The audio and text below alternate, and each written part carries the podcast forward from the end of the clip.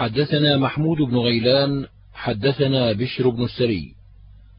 حدثنا سفيان عن عبد الأعلى عن سعيد بن جبير عن ابن عباس رضي الله عنهما قال قال رسول الله صلى الله عليه وسلم من قال في القرآن بغير علم فليتبوأ مقعده من النار قال أبو عيسى هذا حديث حسن صحيح حدثنا سفيان بن وكيع حدثنا سويد بن عمرو الكلبي حدثنا أبو عوانة عن عبد الأعلى عن سعيد بن جبير عن ابن عباس عن النبي صلى الله عليه وسلم قال اتقوا الحديث عني إلا ما علمتم فمن كذب علي متعمدا فليتبوأ مقعده من النار ومن قال في القرآن برأيه فليتبوأ مقعده من النار. قال أبو عيسى هذا حديث حسن.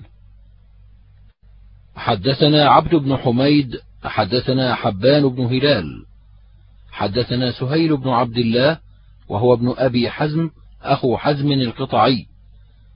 حدثنا أبو عمران الجوني عن جندب بن عبد الله قال قال رسول الله صلى الله عليه وسلم من قال في القرآن برأيه فأصاب فقد أخطأ.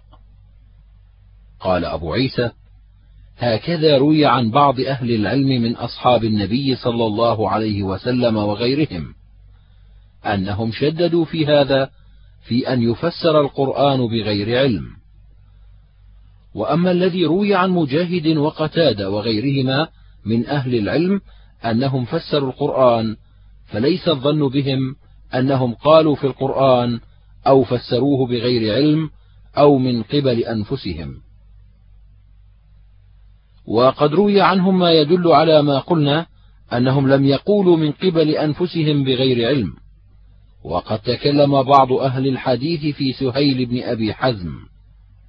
حدثنا الحسين بن مهدي البصري.